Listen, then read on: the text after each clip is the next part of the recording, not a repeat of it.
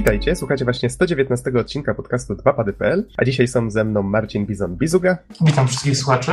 i Norbert Geksen-Jarzębowski. Siemka, siemka. A mówi Adam Noxa 15 Dębski, nagrywamy w niedzielę 4 sierpnia 2013. Warto zaznaczyć, że w niedzielę samego rana. Tak, bo tutaj pewne ranne ptaszki, panowie. pewne ranne ptaszki stwierdziły, że trzeba mnie obudzić i, i, i, ten, i nagrać podcast. To jest w ogóle... Panowie, no na litość boską, come on. Dlaczego akurat teraz? No, tak fajnie nam się wieczorami nagrywało. A wieczorem Żeby nie było, jest już y, 11, nie? Eee. O takich porach to są wakacje, to po pierwsze. Po drugie, mm, Wakacje to ty może masz. po drugie, mam wakacje, tak. Po trzecie, mam wakacje, no. Jest niedziela, to po czwarte, o, o właśnie. Dobrze. Przejdźmy w takim, a no i po piąte będę mówił przez nos, bo oczywiście dopiero wstałem. Okej, okej. Ale żeby już nie psioczyć, nie psioczyć tutaj, to o czym my właściwie dzisiaj będziemy mówić? Będziemy recenzować dwie gry. W Bizonie ty będziesz mówił o... Może ty powiedz. o Smurfach 2.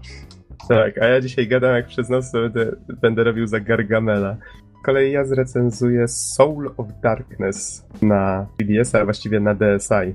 Okej, myślę, że możemy zacząć od jakichś newsów. Troszeczkę staraliśmy się tutaj wygrzebać, co się ostatnio działo, chociaż no, sezon ogórkowy trwa w najlepsze. Ale kilka jakichś takich ciekawych informacji jest. No i przede wszystkim jakieś bundle też się znalazły. Konkretnie mamy tutaj trzy. Grubaśno. To może Norbert opowiedz, co tam ciekawego można znaleźć. Więc chyba największy z nich wszystkich, czyli The Indie Gala Summer Night. Jest to dość ciekawy bundle pod kątem konstrukcji, mianowicie mamy jakby takie trzy poziomy, w zależności od tego ile zapłacimy, tyle dostaniemy gier. No i w tym najniższym poziomie mamy Minor Warfare, Doom and Destiny i Oniken. W kolejnym mamy dodatkowo Space Pirates and Zombies, Exit Gunbullet Children, Exit 2, Aura Fate of the Ages i jakaś gra, o której się dowiemy dokładnie w drugim tygodniu trwania tego bundla, czyli jeszcze trzeba poczekać. Wiemy tylko tyle, że to gra na Steama. No i ten trzeci, najwyższy próg, jeżeli zapłacimy najwięcej, to dostaniemy oczywiście wszystkie poprzednie i dodatkowo Exida trójkę, Scarabor, Train Simulator 2012 wraz z DLC, no i Painkiller Resurrecting Evil i Hydrofobię. Więc sporo gier. Raz, dwa, trzy, cztery, pięć, sześć, siedem, osiem, dziewięć, dziesięć, jedenaście, dwanaście, trzynaście, czternaście gier. Więc jest tego dużo. Za 6 dolców dostaniemy wszystkie te gry. Więc nie jest w sumie drogo, tak biorąc pod uwagę, że często na Steamie płacimy 5 euro za, za jedną grę. Ja się cieszę, że dali Onikena, bo to taka gierka w oldschoolowym stylu, o której już kiedyś wspomniałem. Przypomina troszeczkę takie połączenie Ninja Gaiden z NESa z Contrą? No właśnie nie, nie jestem pewien, dawno grałem w demko. Jak tutaj można dostać to za pay what you want, no to myślę, że na pewno skorzystam. Okej, kolejny bundle, czyli gamesrage.org. Tym razem mamy polski bundle, nazywa się Poland Ball Can Into Games. No i tutaj mamy polskie gry. Taka wada, o której warto wspomnieć, nie są to niestety żadne klucze ani na Desura, ani nie Steama, poza King's Arthur's Gold. No tak, a poza tym King's Arthur's Gold mamy jeszcze Nightmares from the Deep, The Few i Odd Planet. A, jeszcze jest Cinders, przepraszam, Cinders, bym tak. zapomniał. Jeżeli się zapłaci więcej niż średnią, która w tej chwili wynosi 2 dolary 28 centów. No tak, więc kolejny bundle do nabycia to jakby taki e, plusik, że no są to polskie gry. No i mnie przynajmniej tak najbardziej zaciekawiło Nightmares from the Deep. Taki, taka jakby przygodówka, trochę niby point and click, ale wygląda ciekawie. To jest akurat, żeby tak już uściślić, e, tak zwana HOPA, czyli Hidden Object Puzzle Adventure. I to jest gra Artifex Mundi. Więc tego Mhm. studia, które zostało uznane za, za najlepsze miejsce do pracy w polskim game devie, co jest ciekawe, na podstawie tam jakiejś ankiety, która została przeprowadzona chyba przez polski game dev, ale nie chcę tutaj skłamać, nie pamiętam.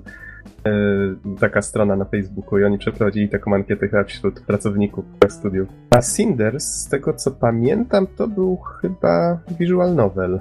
Całkiem ładnie malowany. Nie, nie to w sumie A tyle. Re- Reszty tych gier nie kojarzę, przyznam szczerze.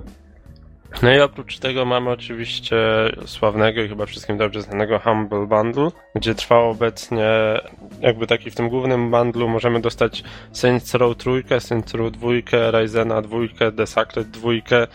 Jeżeli przebijemy To już samo w sobie jest całkiem niezłym wynikiem, nie? Tak, a jeżeli przebijemy średnią, dodatkowo dostajemy Dead Island, Game of the Year Edition, Saints Row trójkę ze wszystkimi DLC, bo w tej wersji podstawowej nie dostajemy DLC.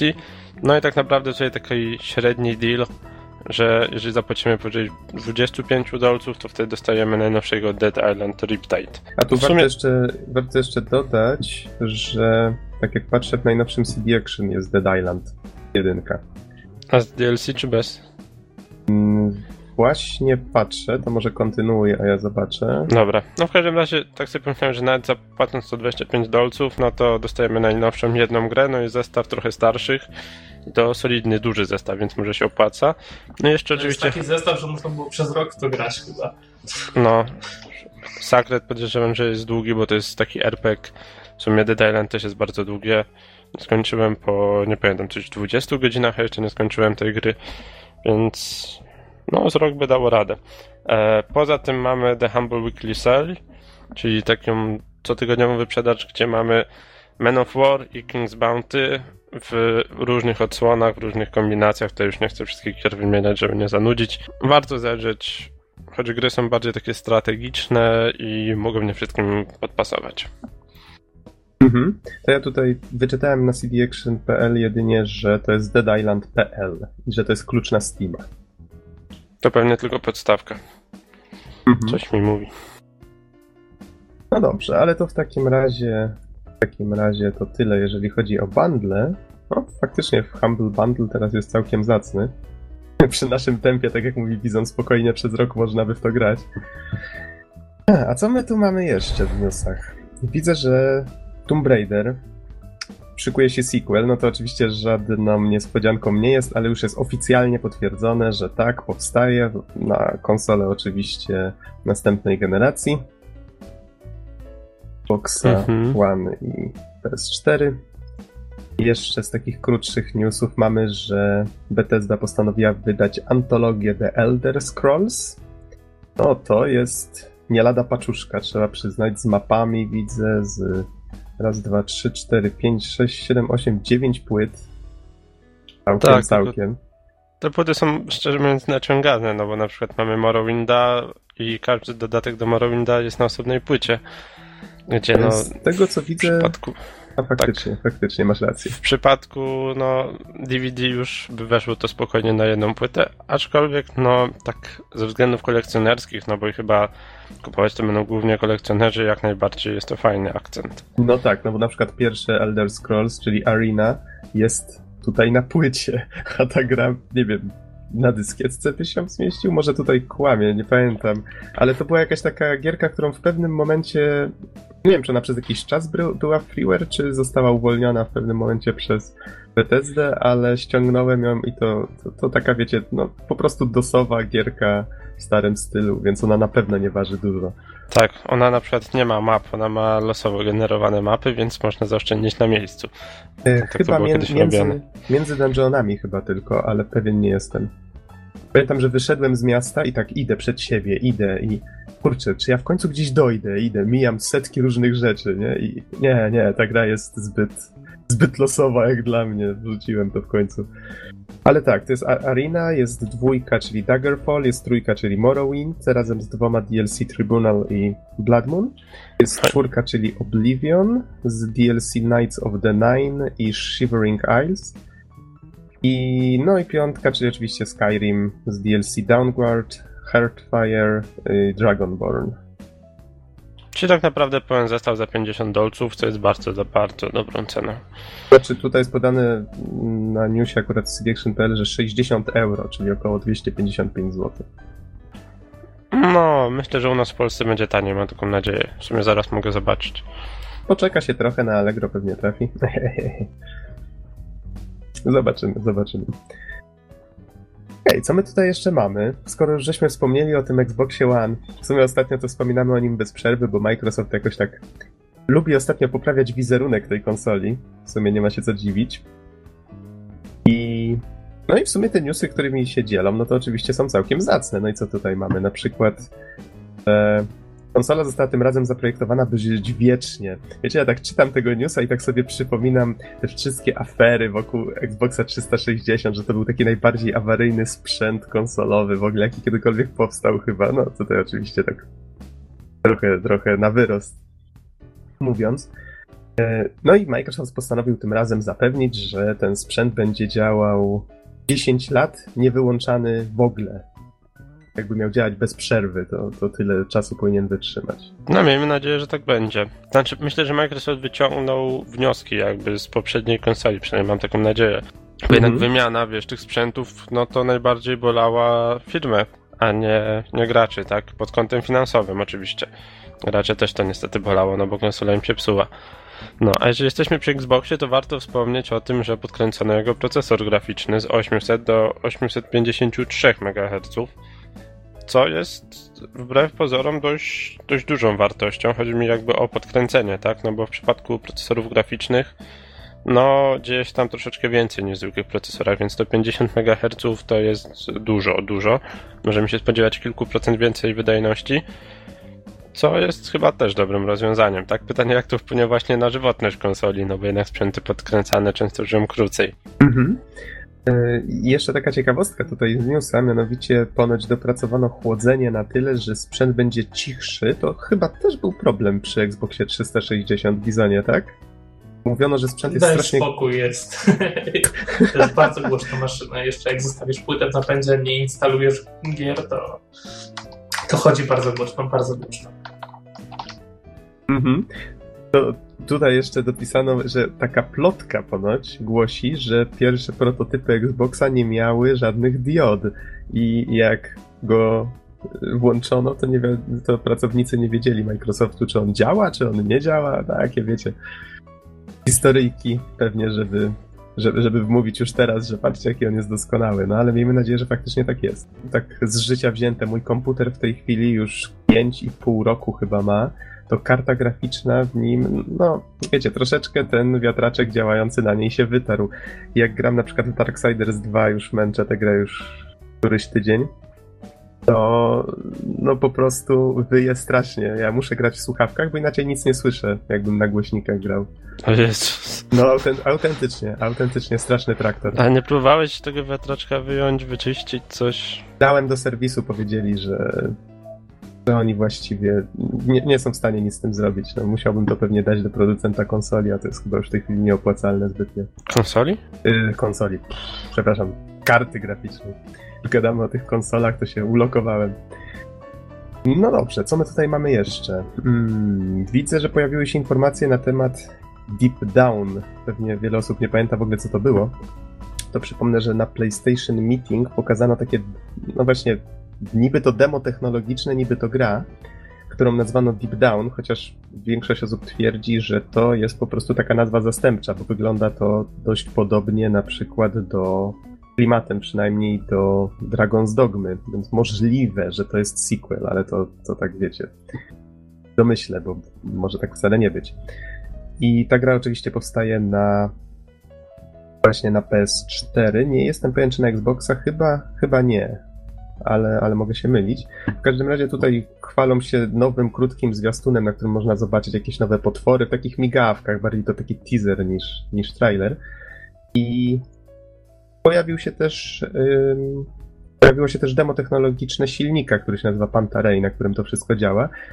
I co prawda nie chcę się tutaj wdawać w żadne techniczne techniczne zawiłości, ale strasznie mi się spodobała jedna rzecz, mianowicie wykorzystują tutaj fizykę płynów, czy jak to nazwać, cieczy do kontroli ognia. Jeżeli na przykład macie, no nie, mielibyście dwa smoki, które by w to samo miejsce ziały, to ten ogień będzie się zderzał i leciał na przykład w zupełnie innym kierunku. Albo jeżeli się schowacie za rogiem i taki smok na przykład zieje ogniem w ścianę, która jest tuż obok was, no to ten ogień się odbije, w pewnym sensie taka fala uderzeniowa w was, w was pójdzie. Więc to jest coś, czego znaczy, taka technologia była w grach wykorzystywana, jeżeli się nie mylę, ale, ale chyba nie w taki sposób.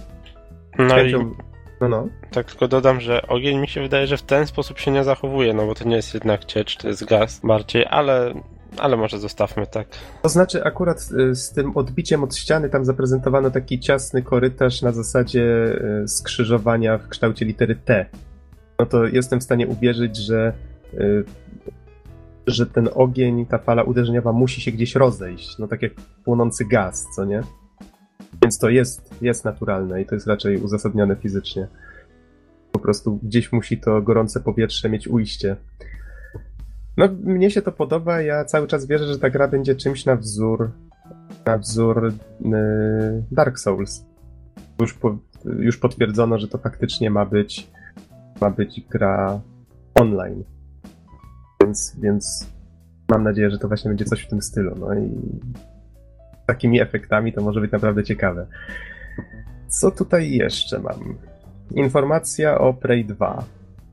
A mianowicie tutaj przypominając plotki, jakie jeszcze do niedawna krążyły, że studio Arkane Studios, które tworzyło Dishonored, no, rzekomo miało pracować właśnie nad Preyem 2, tutaj na tym, na historii, o historii tej gry to można by pisać książki.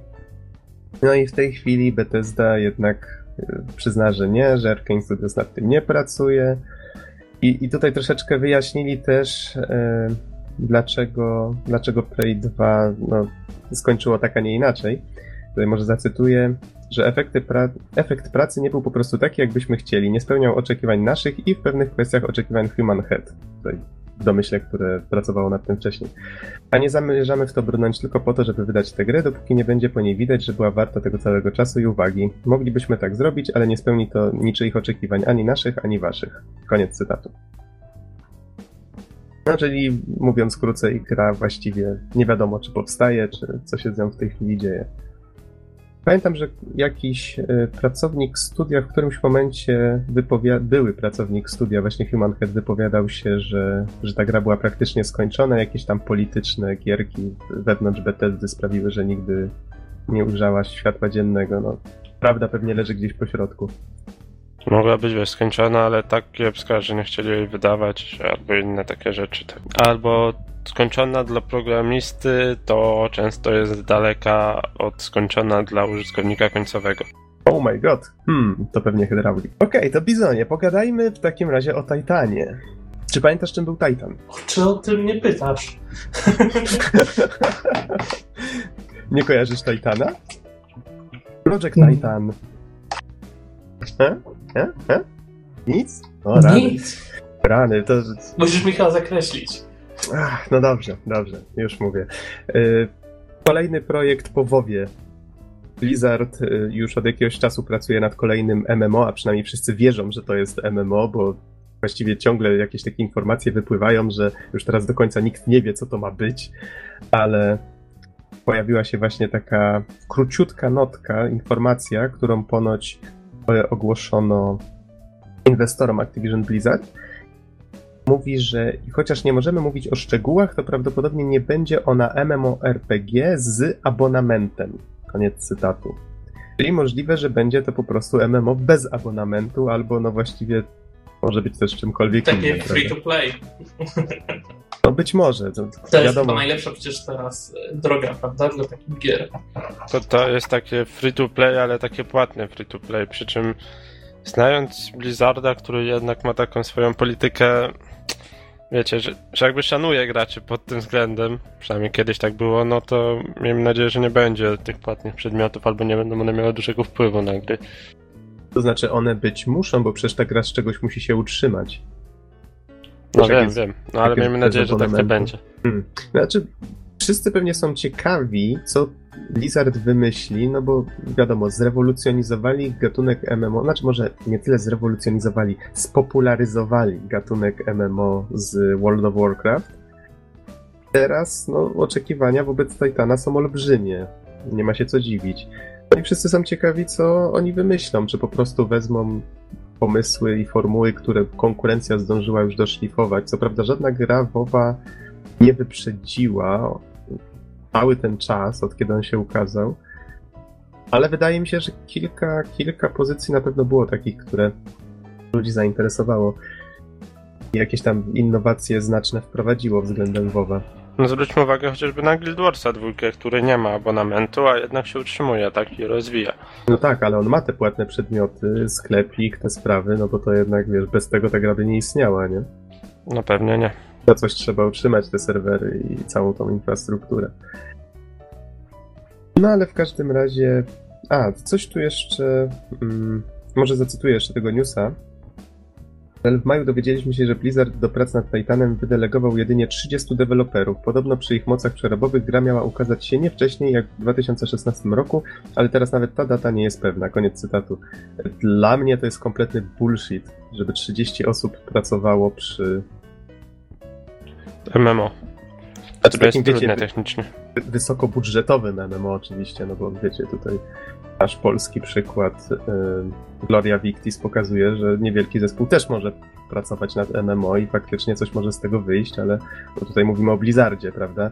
To 30 osób w przypadku MMO to brzmi troszeczkę jak taki zespół oddelegowany do tego, żeby pomyśleć, o czym to może być gra i spróbować coś prototypować, ale ją wykonać, no to już według mnie zespół, no nie wiem, no 200 osób, 100? Assassin's Creed jest tworzony przez tyle, no to wiecie, MMO myślę, że spokojnie powinien być przez takiej samej wielkości zespoły. Tak przynajmniej się domyślam. No dobrze, i ostatni news w sumie, który mam tutaj w zanadrzu.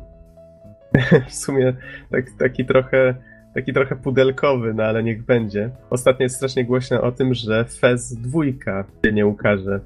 Jedynka całkiem niedawno trafiła na PC. Gra początkowo była ekskluzywem właśnie na Xboxa 360, taka bardzo znana gra indie.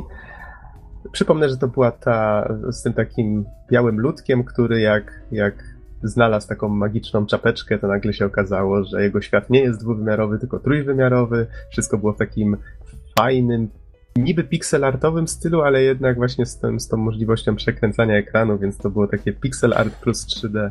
No i ludziom się to strasznie podobało. Phil Fish, który był, który jest twórcą tej gry, pamiętam, że był, występował też w tym filmie Indie Game The Movie, opowiadał o pracach nad tym. No, Tak. Tam No już się strasznie teraz- tak foszkował. Słucham. Ta, tam już były takie fochy z jego strony. Znaczy, widać, tak że gość, widać, że gość jest takim.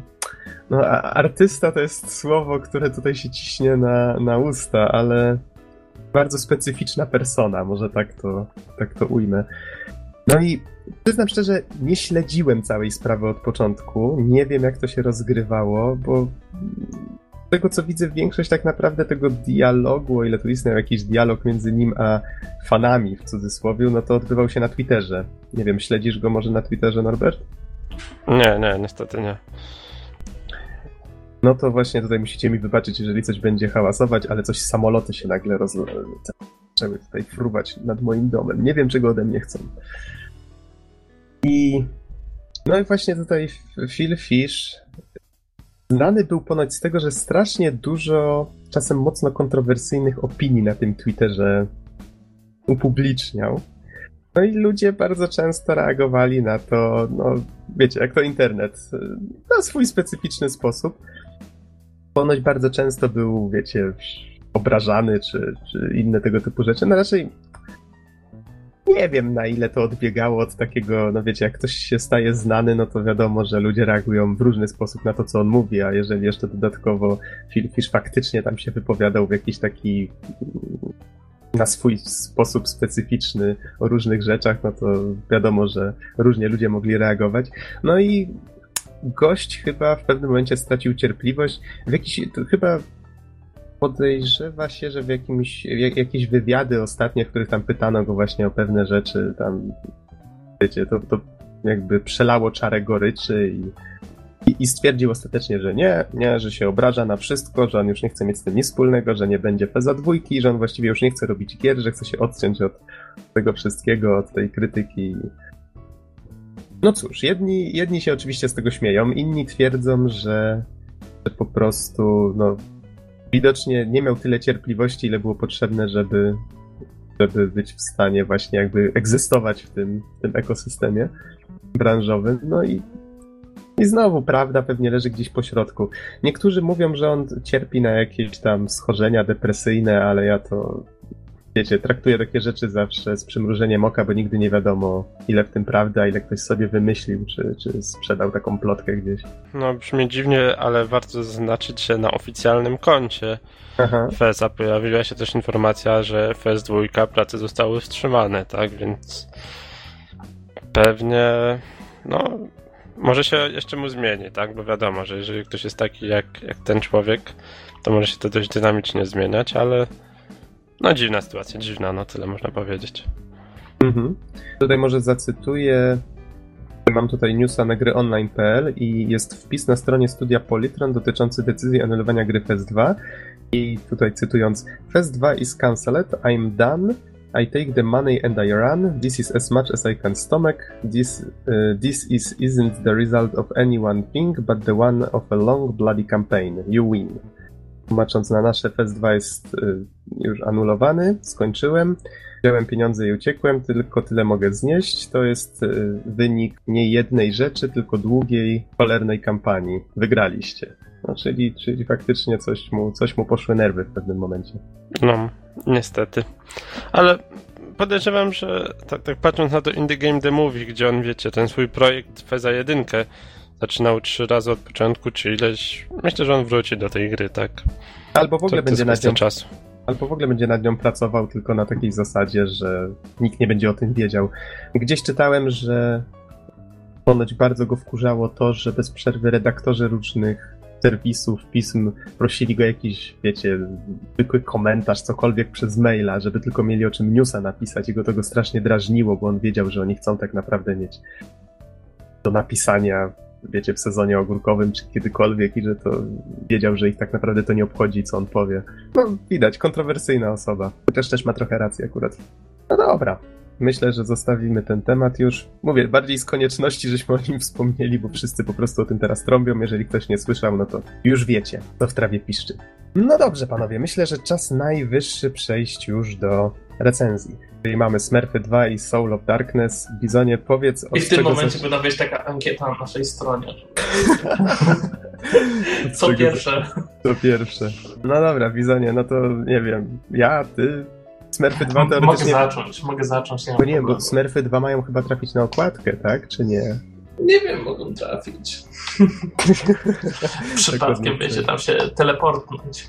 No dobrze, no to teoretycznie powinny być w takim razie jako drugie, no ale jak chcesz, to, to wal. A mogę, mogę polecieć z tym kawałkiem niebieskiego mięsa. Jeśli bardzo chcecie. Od to- niebieskiego mięsa. No to leci. Y, Generalnie Smurfy 2 są kolejną recenzowaną przeze mnie grą opartą na filmie. Coś właśnie lubisz ostatnio, takie gierki. Ale nie wiem, tak, tak jakoś mi wpadło, żeby, sobie, żeby pograć trochę w takie tytuły. Z tego co widzę, wyszła całkiem niedawno, 19 lipiec 2013. Tak. Premiera gry była faktycznie 19 lipca. Tylko jak to Mhm. bywa z naszymi polskimi sklepami, to dostałem ją dopiero 23, zanim wysłali, zanim przyszło. Wiecie, jak to wszystko u nas fajnie funkcjonuje. Powiedz, co, co zachęciło cię do tego, żeby tę grę kupić? Wiesz co, w sumie oboje Zasią bardzo lubimy Smurfy, więc stwierdziliśmy, że sobie kupimy. W sumie to Mhm. było nawet e, wynikiem pewnego głupiego zakładu między nami, który wygrałem, więc dostałem tą grę po prostu w prezencie. A, jakaś historia tutaj za tym się kryje. No jakaś historia tam za tym się kryje, no ale tak jak to Smurfy w końcu z małymi utrudnieniami e, trafiły, trafiły do mnie. A ta, tak jeszcze przerwę ci na sekundkę takie pytanko, bo to nie jest oparte na kreskówce tej takiej, którą większość osób pewnie kojarzy z dzieciństwa, tylko to jest oparte na jakimś ostatnim filmie. Tak, jest to oparte na filmie Smurfy 2, który miał z kolei premierę w ten piątek dopiero u nas. Aha. I możesz powiedzieć coś o nim więcej, bo ja nawet jedynie E, mogę, mogę, specjalnie poszedłem do kina w piątek, więc mam Aha. pełny tutaj zakres spostrzeżeń na temat całej tej produkcji. E, Generalnie Smurfy 2 jako film, bo właściwie od tego powinniśmy zacząć, e, kontynuują w pewnym sensie bezpośrednio historię z pierwszego filmu o Smurfach. Znaczy jest tam takie małe powiązanie, nie jest one znaczące dla oglądającego, ale jeżeli ktoś oglądał pierwszą część, to po prostu będzie rozpoznawał pewne postacie, co, co fajnie wpływa na całość. No nie powiem, żeby film był jakimś tam wiekopomnym dziełem i, i niesamowitym przeżyciem. Jest to po prostu dobre familijne kino i na tym sobie powinno się przystać recenzując ten film, y, bo, bo tak tak jest z takimi filmami, tak, rodzinnymi. One po prostu są na takim dość jednakowym poziomie. Trudno jest tutaj, moim zdaniem, rozdzielić je na lepsze, na gorsze. Jest tutaj trochę humoru, jest trochę akcji. Wszystko, wiecie, wynormowane, ładnie poukładane, tak jak powinno być w tego typu produkcjach. Nie można Mhm. się do niczego doczepić. Po prostu film robi robotę, która została mu przydzielona, tak? A powiedz w takim razie, rozumiem, że gra jest oparta na historii tego drugiego filmu. Coś tam strasznie Ba- hałasuje. w pewnym sensie bazuje na, na tej historii i jakby fabularnie przechodzimy przez te same wydarzenia, jednak gra przez to, żeby była troszkę dłuższa, co wcale nie znaczy, że jest długa, Mhm. e, jakby troszkę przeciąga tą całą historię znaną z filmu. A to może opowiedz y, właśnie o czym ten film jest, bo rozumiem, że jak powiesz o tym, to będziesz, będzie też wiadomo o czym jest właściwie gra. Generalnie, jak się można domyślić, cała fabuła bazuje na tym, że, że Gargamel porywa smerfetkę i trzeba ją uratować, tak? O mój Wow, Boże, wow. to, to, to brzmi źle. To trochę brzmi nie jak fabuła z Mario. No właśnie, tak. Nie, nie dzisiejszo trochę, no ale kontynuuj. Tak, no ale jakby bazowe założenie całej historii jest właśnie takie.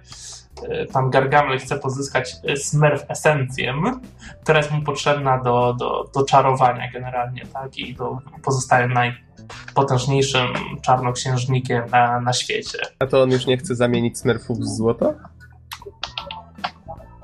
Nie ma tutaj żadnych takich jakby informacji. No ja pamiętam, nawet nie, pamiętam, nawet nie wiedziałem, że kiedykolwiek chciał zamienić złoto, więc Ja pamiętam, sorry. że to był chyba, to był chyba jakiś taki główny wątek jego pogoni sorry, że mi jakiś tutaj spoiler wrzuciłeś, bo ja te, czegoś takiego nie pamiętam.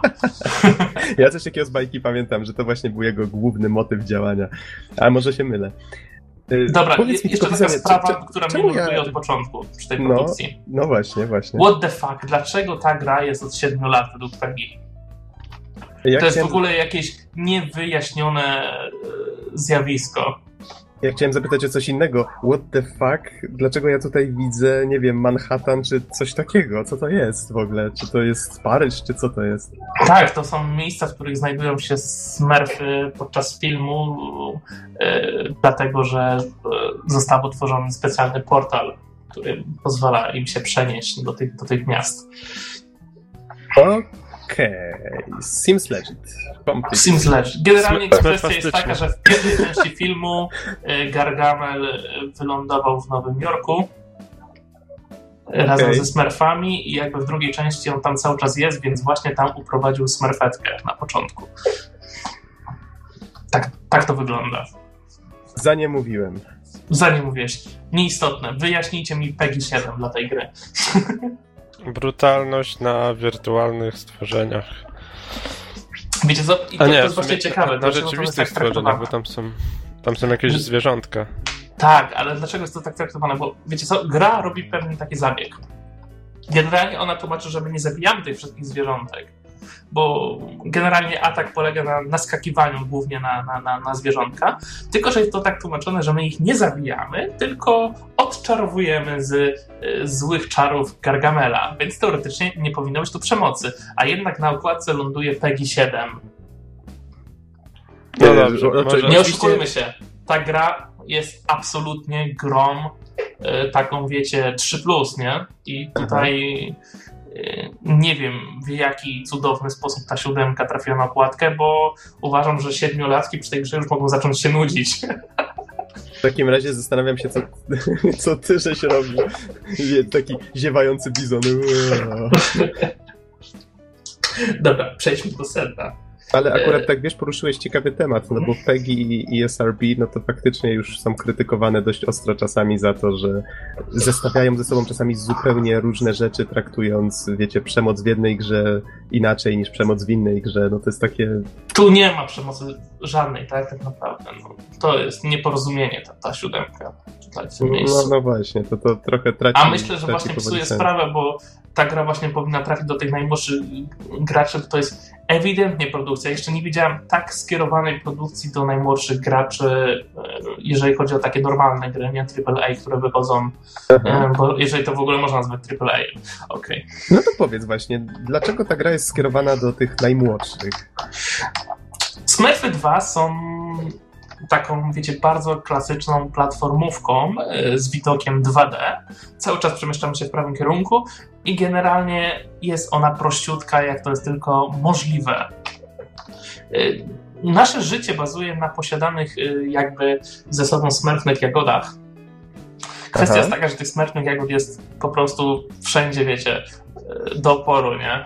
Więc nawet jeżeli zabijemy przeciwnika, to z niego wypadają te smerfne jagody, więc nawet jeżeli on by nas uderzył przy próbie ataku, abyśmy go zabili drugim atakiem, to i tak żyjemy, nie? I, i to się tak nakręca. Właściwie się nie da tutaj umrzeć w tej grze. Trzeba się bardzo, bardzo, bardzo postarać. E, Choć zarazem ten system jakby tych smerfnych jagódek jest totalnie schrzanionym, bo możemy ich zbierać bardzo dużo, wiecie, lecą 200, nie? Tam 200 ileś, ale gdy w momencie, gdy uderzy nas cokolwiek, wypadają nam wszystkie, Zosta zostaje nam zero i wtedy, gdy nas coś drugi raz uderzy, to teoretycznie giniemy, nie? A, To właśnie pytanie, jakim sens jest zbieranie tych wszystkich, wiecie, jagódek w takich strasznie dużych ilościach, skoro i tak Mhm. dowolny atak przeciwnika, tak, jakby zabiera nam je wszystkie. Nie ma to większego sensu, tak? Już lepiej było, jakby było ich naprawdę mało, abyśmy mogli mieć na przykład tylko trzy przy sobie, nie? I jak coś nas zaatakowało, to by nam po prostu jedna wypadała, nie? To jakiś tak. taki był normalniejszy system żyć, a tutaj tego nie ma. Jest to takie taka prowizora z tymi życiami i właściwie zginięcie przez to też jest praktycznie niemożliwe. Tak Jest się to- zastanawiam, czy to przypadkiem nie gumisie miały jagody? Strasznie To mieszam. gumi jagody. Sm- yy, miały gumi jagody, a to są smerfne jagódki. Okej. No, no. Hollywood. That's Nie, so nie my different. podstaw dzieciństwa. Przepraszam, przepraszam, że tutaj taką niewiedzą, ignorancją się pochwaliłem. Przepraszam. Więc tak jak mówię, gra jest y, mega prościutka. Całość gry od razu chcę zaznaczyć, że przyszedłem razem z Asią, graliśmy w kooperacji, Aha. co dodatkowo ułatwiało jeszcze jej przejście, bo nawet jeżeli ktoś gdzieś spadł i się zabił, to wystarczyło, że druga postać doszła do grzybka, która się pojawiała co jakiś czas na planszy, żeby jakby ta, ta druga osoba się odrodziła. Taki to Czyli taki sposób. system do, do checkpointa dojść i Tak, dokładnie, więc tutaj. Znaczy, jakby faktycznie zginęłyby dwie postacie, to nie ma checkpointów w planszach. Startujemy od początku. Z tym, że, że przejście jakby pojedynczej planszy to jest około 4 minut. Może 5. W zależności, Gdybyś, która. a gdybyś grał samemu, strasznie. Słucham? a gdybyś grał samemu, to wtedy nie ma checkpointów? Nie ma checkpointu. Zawsze, gdy zginiemy faktycznie, to trafiamy do początku. Tylko tak jak mówię, no jest to prawie niewykonalne, tak? Czyli oceniasz poziom trudności jako taki faktycznie nadający się dla najmłodszych. Tak, absolutnie, absolutnie nadający się dla najmłodszych i myślę, że tutaj żadne dziecko, które wiecie, zacznie już ogarniać trochę pada, nie będzie miało problemu. I jakby z tą produkcją, jakby ten niski poziom trudności jest trzymany przez całą grę. Tu nie ma żadnych, wiecie, takich skoków Mhm. trudności i, no i to, to właśnie jest tak ukierunkowana produkcja. E, tak jak mówię, można grać w kooperacji, można grać do czterech graczy jednocześnie na jednym To ekranie. brzmi, to brzmi całkiem fajnie. Co, co jest dodatkowym plusem, jeżeli chodzi o granie głównie przez dzieciaki, nie? Jakoś tak razem. No chociaż powiem wam, że w dwójkę Zasią grało nam się całkiem, całkiem sympatycznie prze, przez całą tą, tą produkcję. Yy, Przed każdą planszą wybieramy sobie smerfa, w którym chcemy grać. Yy, Jest ich yy, raptem kilka do wyboru. Odblokowują one się wraz z postępem w grze. O ile znaczenie Smurfa ma tutaj. Wybór Smurfa ma znaczenie, bo każdy ze Smurfów posiada e, specjalny skill. Na przykład Papa Smurf rzuca e, eliksiry, które zamrażają na chwilę przeciwników. E, Tam Laluś potrafi oczarowywać przeciwników tak, że nie chcą go atakować przez jakiś czas. I, i każdy jakby tam Smurf potrafi coś tam zrobić. Na przykład Mondrala skacze wyżej dzięki swoim kalkulacjom. tak to jest wytłumaczone. Kalkulacje. Tak, są smurfy, które potrafią e, rozbijać e, em, betonowe klocki swoją siłą i, i generalnie no, tak to wygląda. Te zdolności niby dużo nie wnoszą do gry, bo gra jest skonstruowana tak, że zdolności nie są wymagane tak do przejścia poziomów, bo można przechodzić e, każdy poziom dowolnym smurfem. Więc to, to jest tylko taki dodatek, który wykorzystując po prostu możemy sobie ułatwiać e, przechodzenie plansz, po prostu jakby bazując na zdolności tego konkretnego smurfa. E, tutaj natomiast pojawia się pewien duży minus. Papa Smurf ma czerwoną czapeczkę, nie? To widać, No. że to jest Papa Smurf. Ale przy innych smurfach, gdy wylądują wam powiedzmy cztery niebieskie smurfy na ekranie, każdy ma białą czapeczkę, to teraz weź się połap, kto gra kim. No jak to? Papa No. Smurf musi pamiętać, który jest który, a reszta to pyta się Papy No Smurfa. tak, ale wiecie, wiecie, jest taki problem, że jakby te smurfy nie są wyróżnione. To już lepiej trzeba było coś pokombinować, żeby jakby każdy gracz dostawał inny kolor czapeczki. Żeby nie było wątpliwości, kto gra kim. Albo można było to rozwiązać jakimś, widzę, że tutaj na screeny sobie patrzę, na górze ekranu każdy z tych smurfów ma jakąś taką kolorową obręcz i, i w niej ma dopiero swojego awatara. Więc dlaczego na przykład ta obręcz nie mogłaby też jakoś towarzyszyć tutaj samej postaci? No, nie ma czegoś takiego, więc myślę, że przy czterech postaciach na ekranie, gdzie wszyscy by wybrali takie normalne smurfy, nie papę smurfa, ani nie smurfetkę, to generalnie będziemy mieli jednakowe smurfy praktycznie na ekranie i, i, i się teraz połap, żeby Aha. się nie pogubić w tym wszystkim. To jest spory minus, nie powinno się coś takiego zdarzyć. Strasznie mi się to nie, nie spodobało. E... Tak jak mówię, gra jest klasyczną platformówką. Jest ona też podzielona w klasyczny jakby sposób na, na, na takie rozdziały. Wiecie, tak jak na przykład przyzwyczaił nas kiedyś Crash, że, że były te warp roomy i każdej tam było kilka plansz, tu jest dokładnie to samo. Dokładnie to samo. Jest sześć teleportów, które prowadzą nas do pięciu plansz plus bossa każda. A jak wyglądają walki z bossami? A no widzisz, walki z bossami są generalnie dość, dość proste. E, Głównie polegają na tym, właściwie to wszystkie polegają na tym, żeby unikać ataków bossa przez krótką chwilę, później ten boss się wywraca, czy coś tam mu się dzieje i trzeba na niego naskoczyć. I tak powtarzamy trzy razy. Jakby te fazy może są minimalnie różne, ale nie jest to w jakiś taki żaden sposób znacząca różnica. Generalnie proste, wszystkie da się przejść y, bez większego problemu, nie dostając ani razu, za to też są stosowne achievementy. Czyli dobra tej gra, do, produkcji. Dobra gra do trzepania acików, z tego co mówisz. Znaczy, no, to jest taki tytuł, który nie, nie przy, przyniesie jakby problemu, żeby zrobić sobie e, calaka przy okazji. Ale wiecie co? Naprawdę największym smutkiem w tym wszystkim jest to, tak jak mówiłem, plansza zajmuje około 4 minut.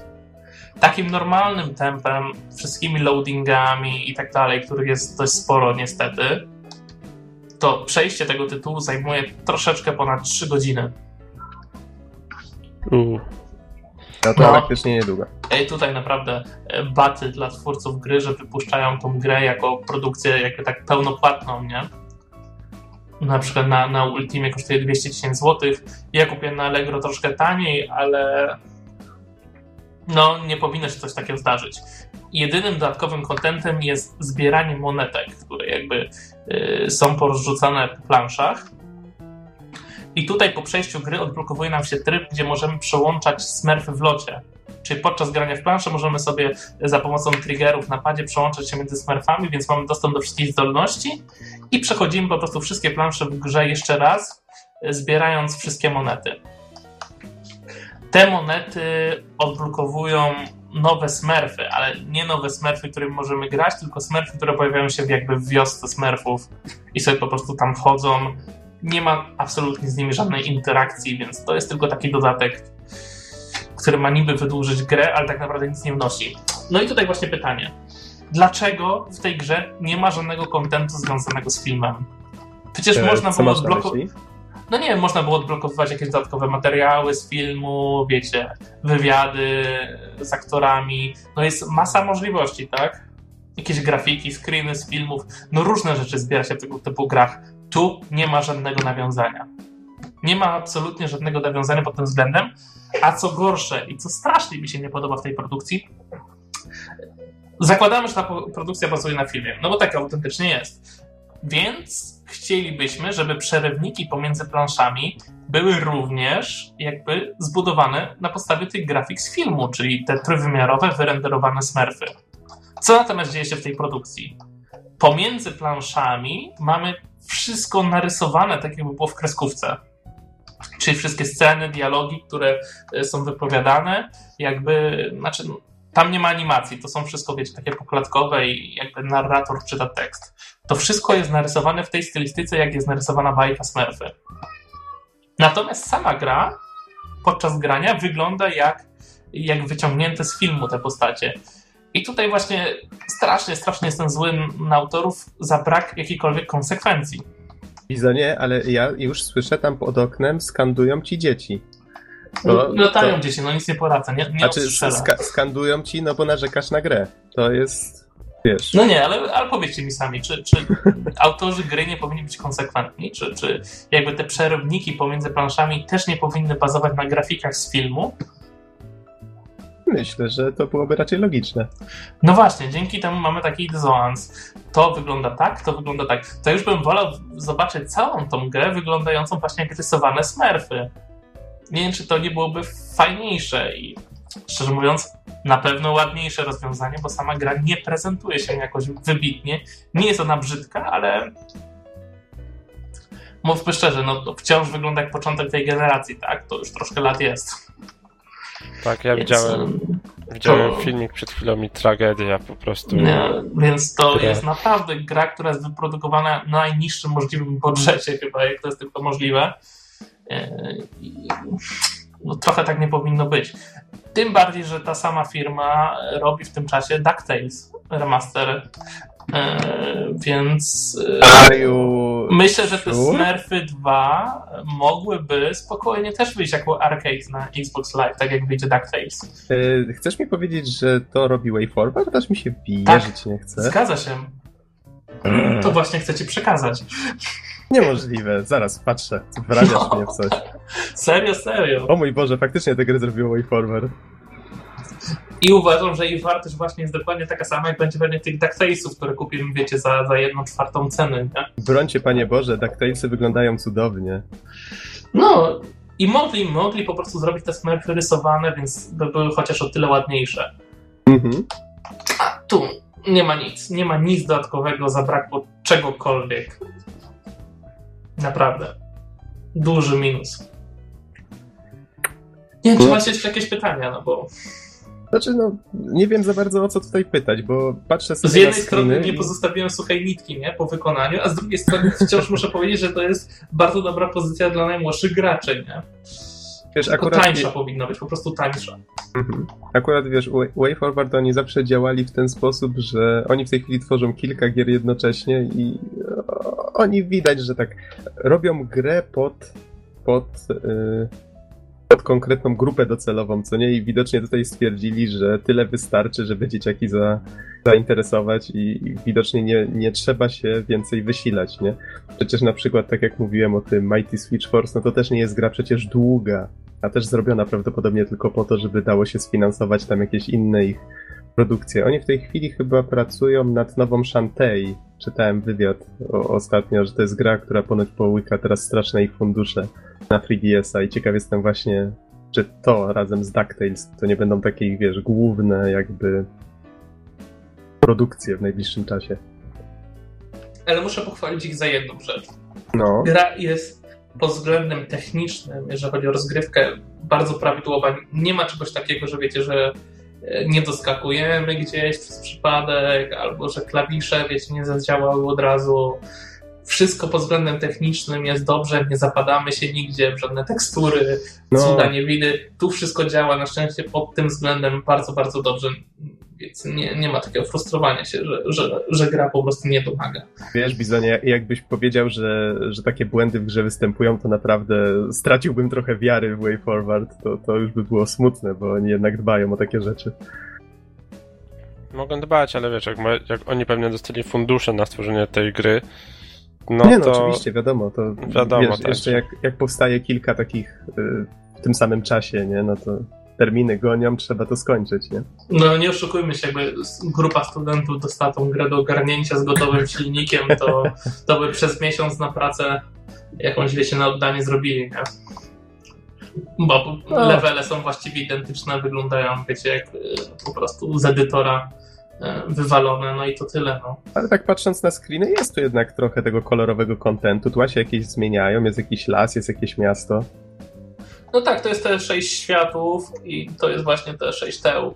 I tak to są one takie same, więc tak jak mówię, myślę, że, że jakby dać grupie studentów e, już gotowy silnik, to oni by sobie ten content dorobili w miesiąc.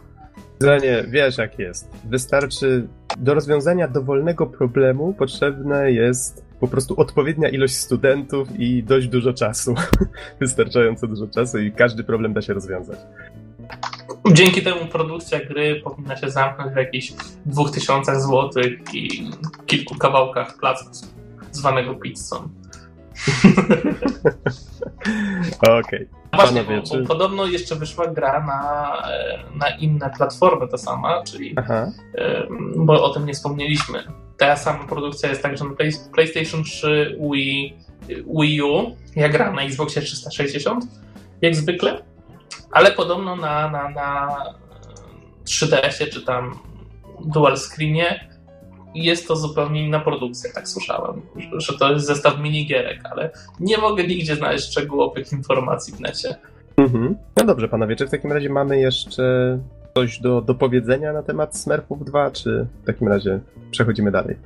Chyba dalej, no. Dobra. Smurfy już dość wymęczyliśmy. nie podoba wam się gra? Nie no, zrobiłem ją way forward, jest wspaniała. A ja już zamówiłem preorder, nawet dwa. Jakby mi się jedna kopia zniszczyła. No dobrze, to w takim razie panowie, przejdźmy w takim razie do tego Soul of Darkness. No to, to, to ja może też zacznę od tego, dlaczego się tą grą zainteresowałem. Jak wiecie, jestem fanem Castlevanii, więc wszystko, co przypomina Castlevanię, właściwie w pewnym momencie musi trafić w moje ręce. Zwłaszcza, że jak się już no, na dobrą sprawę wszystkie części serii poukańczało, no to tak w pewnym momencie ma się ochotę zagrać w coś chociaż podobnego. No i o tej grze usłyszałem już jakiś czas temu. Ona wyszła na komórki. Nie jestem tylko w stanie znaleźć informacji, kiedy dokładnie. Za to Potem, dawno temu.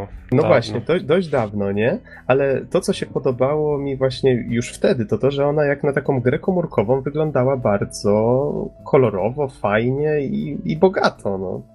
Treść. Więc to faktycznie zwracało, zwracało uwagę. Twórcy stwierdzili, że gra jest, czyli tutaj Gameloft, stwierdzili, że gra jest na tyle na tyle właśnie bogata w treść, że można ją przenieść na DS-a i ona trafiła na DSi. Właśnie DSiWare, czyli właśnie tą ten ostatni model DS-a, który miał dostęp do netu, można było właśnie z eShopu, czy jak on się wtedy nazywał, ściągać różne gry, no to właśnie to trafiło na, do takiej cyfrowej dystrybucji. No i w tej chwili ja na swoim 3DS-ie tą grę na eShopie kupiłem za, sprawdziłem przed chwilą, żeby się upewnić, za 20 zł. No nie była to jakaś wielka inwestycja, więc stwierdziłem, że warto zaryzykować. No i no właśnie, czym właściwie ta gra jest? No tak jak wspomniałem, jest bardzo podobna do Castlevanii. Właściwie powiem tak, twórcy po prostu stwierdzili, słuchajcie, ludzie lubią Castlevanię, żeby sprzedać grę, musimy zrobić im tę grę, musimy zrobić grę, która będzie możliwie do Castlevanii podobna. No i właściwie z takich założeń wyszli i, i to bardzo widać. Starali się naśladować styl graficzny tych takich platformówkowych części serii, starali się naśladować styl muzyczny, chociaż eh, to, to akurat wyszło im zdecydowanie najgorzej. Muzyka jest tutaj strasznie słaba, już tak zaczynając od oprawy. Yy, starali się naśladować trochę gameplay, dodając do niego takie własne twisty, które no, nie do końca się udały, o czym za chwilę powiem. No i ogólnie rzecz biorąc, gra się w to podobnie jak w Castlevania, ale jednak czuć tą taką budżetowość. Trochę gra przypomina tą wersję z komórek. Ja tu widzę na stronie Gameloft jest taki filmik zapętlony, który pokazuje, jak ta gra wyglądała właśnie na ekranie komórki. Y, wygląda to podobnie, chociaż wiadomo, że na, na DS-a musieli dostosować rozdzielczość i inne tego typu rzeczy. Ale grafika ogólnie rzecz biorąc jest podobna. Troszeczkę w niektórych miejscach zmieniona. Gra jest platformówką podzieloną na etapy. Mamy tutaj 10 planż plus 11, która jest właściwie tylko boss fightem. Mm. Choć na dolnym ekranie mamy mapę, która jest zrobiona właśnie w takim stylu jak w tych takich Castlevaniach, gdzie mamy rozbudowany zamek, po którym możemy podróżować. Ta mapa jest tu zupełnie niepotrzebna, to jest właściwie taki ozdobnik graficzny, no bo ta gra właściwie w większości przypadków po prostu etapy składają się z takiej jednej linii, która jest tam czasami trochę zapętlona. Jak zdarzy się jakiś pokój, który, wiecie, jest jakąś ślepą uliczką, tam jakiś przedmiot się znajduje, no bo możemy tutaj rozwijać zdrowie, rozwijać manę, no to właściwie rzadko się zdarza, żeby te, takie pokoje tutaj występowały. Gra jest przede wszystkim liniowa.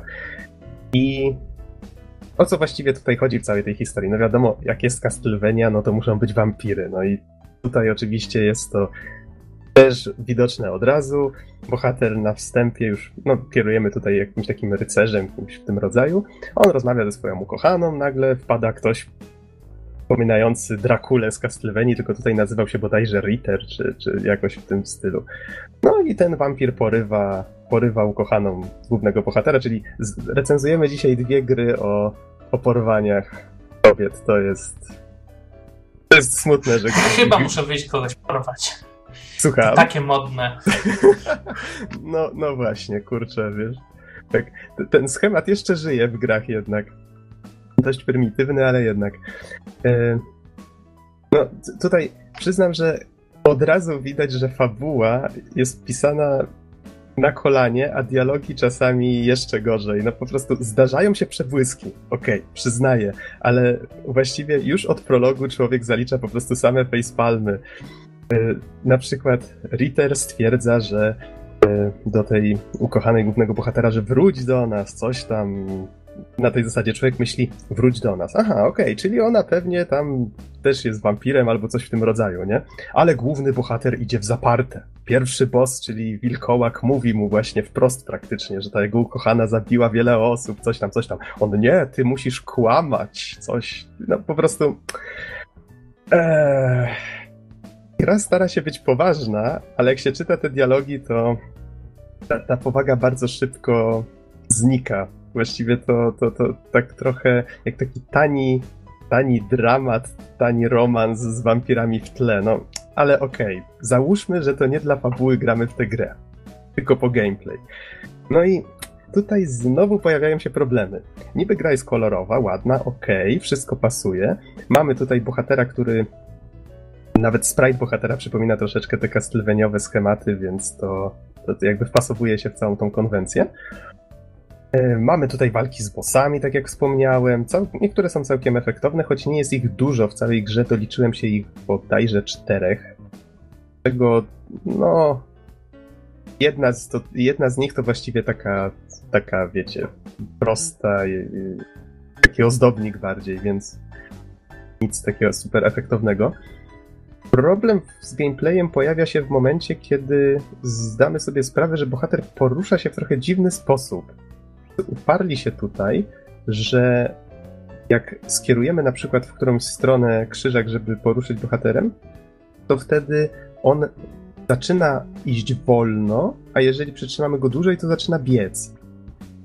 To jest takie, to w sumie taki delikatny efekt, który, no Norbert, co chciałeś powiedzieć na ten temat? Wydaje się to strasznie złe rozwiązanie w platformówkach szczególnie. Dokładnie. To jeżeli to zaczyna, jeżeli to jest skokowe, jeżeli to nie jest płynne, bo się domyślam, że nie jest, jak opowiadasz, to, to jest tragedia wtedy. To znaczy, to jest o tyle płynne, że e, to, to, przejście jest samoistne, czyli ty po prostu naciskasz w prawo, a bohater idzie wolniej, a to coraz, coraz szybciej. I w pewnym momencie, wiesz, przechodzi do biegu. To trwa dosłownie, no nie wiem, pół sekundy, sekundę, ale jest to na tyle wyczuwalne, że przeszkadza. Ma się wrażenie, jakby jakby ta postać się poruszała ślamazarnie. Jak ja skończyłem grać w tę grę mm, tam przy pierwszym posiedzeniu, to myślę sobie, kurczę, ta gra trochę się zachowuje, jakby była napisana w Javie. Tak, tak, tak trochę się tnie, nie? Jak te stare takie e, platformówki na, właśnie na komórki. Na pewno sobie przypomniałeś, kto zrobił tą grę i skąd ona pochodzi. to, to, też, ale posłuchaj, potem włączyłem ją po raz drugi i stwierdziłem, nie, wszystko się zgadza. Skaczę, skaczę. W sumie reakcja na przyciski jest w porządku, nie? Animacja jest płynna. Więc skąd to wrażenie, że gra się tnie? I właśnie się wtedy zorientowałem, że bohater się porusza w taki specyficzny sposób, to strasznie przeszkadza. I w momencie na przykład ataku twórcy sobie wymyślili, że super, słuchajcie, musimy dodać jakieś kombosy, takie efektowne ataki. Bohater będzie wymachiwał tym, tym swoim mieczem, czy, czy tam. Mamy tutaj dwie bronie, tak nie wspomniałem o tym. Mamy ognisty miecz. Właśnie po pokonaniu tego wilkołaka, o którym wspomniałem, dostajemy y, lodową włócznię. No bo jak wiemy, każdy wilkołak nosi ze sobą lodową włócznię. I mając te dwie bronie tutaj jakby z, z tym przeciwnym żywiołem, to, to tutaj jest wykorzystywane w różnych miejscach. Na przykład włócznie możemy wbić w ścianę i na nią skoczyć, żeby dostać się wyżej. Możemy wykorzystywać ten lodowy miecz do rozbijania bloków lodu. Możemy na przykład tą włócznią zamrozić niektórych takich wodnych przeciwników i wykorzystać ich, przesunąć ich na przykład i wykorzystać jako platformę. To jest całkiem fajne. Myślę, że można to było wykorzystać jeszcze troszeczkę lepiej, ale, a, ale ważne, że twórcy tutaj starali się jakąś taką ciekawostkę w gameplayu wprowadzić. E, no i jeszcze właściwie, jeszcze właściwie jedna rzecz jest w gameplayu taka. A, właśnie, bo tutaj nie skończyłem tak. myśli z tą, z tą bronią.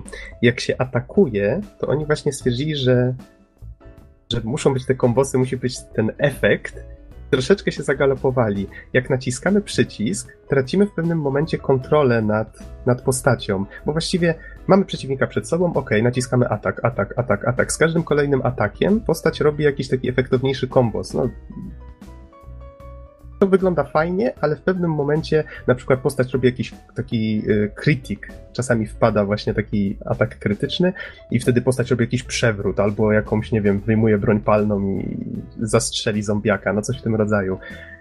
No i to zupełnie odbiera nam kontrolę, a w przypadku niektórych ataków przesuwa postać bez naszej interwencji. To już razem z tym, że ta postać, tak jak mówiłem, tak się ślizga troszeczkę, to już mnie to strasznie odrzuciło. Mnie się wydaje, że w platformówce powinno się unikać jak najbardziej takich sytuacji, kiedy postać się porusza jakby bez naszej kontroli. Bo to sprawia wrażenie po prostu jakby jakbyśmy nagle tracili kontrolę i to się zdarza za często w tej grze. No ale pomijając już ten fakt, że jest jeszcze jeden taki ciekawy pomysł, mianowicie bohater może się zamieniać w bodajże trzy stworzenia. To była ryba, to był na przykład właśnie jakiś taki wodny stwór, który potrafi chodzić po wodzie mm, i jakiś taki karaluch, który na przykład może się przyczepić do, do sufitu, może na jakiejś takiej pajęczynce się spuścić i może, może na przykład się rozbujać i gdzieś tam gdzieś tam na przykład można doskoczyć. Też ciekawy w sumie pomysł. Tak, i wiecie, bardziej ozdobnik gameplayowy, co nie? Hmm. No i to właściwie to właściwie tyle. Nie wspomniałem chyba jeszcze o tym, że można ulepszać bronię. Zdobywamy tutaj, tak jak w takich grach, nie wiem, jak jako nie szukać God of War, jakieś, tam Devil May Cry, jakieś orby, które wypadają z kryształów, które znajdujemy po drodze, z przeciwników. Te orby następnie wydajemy na to, żeby jedną z tych dwóch broni, o których wspomniałem, żeby je ulepszyć. Możemy im zwiększyć power, możemy właśnie zwiększyć poziom tego kombosa, o którym mówiłem, możemy zwiększyć y, siłę czy efekt ataku magicznego. No to jest taki efekt, który wymaga many do wykorzystania. Na przykład rzut tą włócznią przed siebie, e, albo taki wybuch w przypadku wokół siebie, w przypadku miecza ognistego. Jeszcze jeszcze było coś czwartego, ale już, już nie pamiętam, co to było. No w każdym razie bronie się da ulepszać. To tak tylko dodam, że e, ja w tą grę grałem jeszcze na Symbianie. Aha. Tutaj taka ciekawostka, że była dostępna tylko wersja demo, nie było wersji pełnej, w żaden sposób można pobrać, niestety. E, no i no ta gra się wywodzi z komórek, tak? Niestety grałem na Symbianie ze sterowaniem na ekranie dotykowym, więc to było no dość toporne. No i w sumie troszkę się zastanawiam, jak to będzie działać na, na normalnym ekranie. Czyli, znaczy, mówisz, że z normalnym sterowaniem się fajnie gra całkiem, tak? To znaczy, da się grać, tylko tak jak mówię, te decyzje e, gameplayowe troszeczkę miejscami przeszkadzają. Jeżeli się człowiek do tego przyzwyczai, to można tę grę potraktować jako taki, no,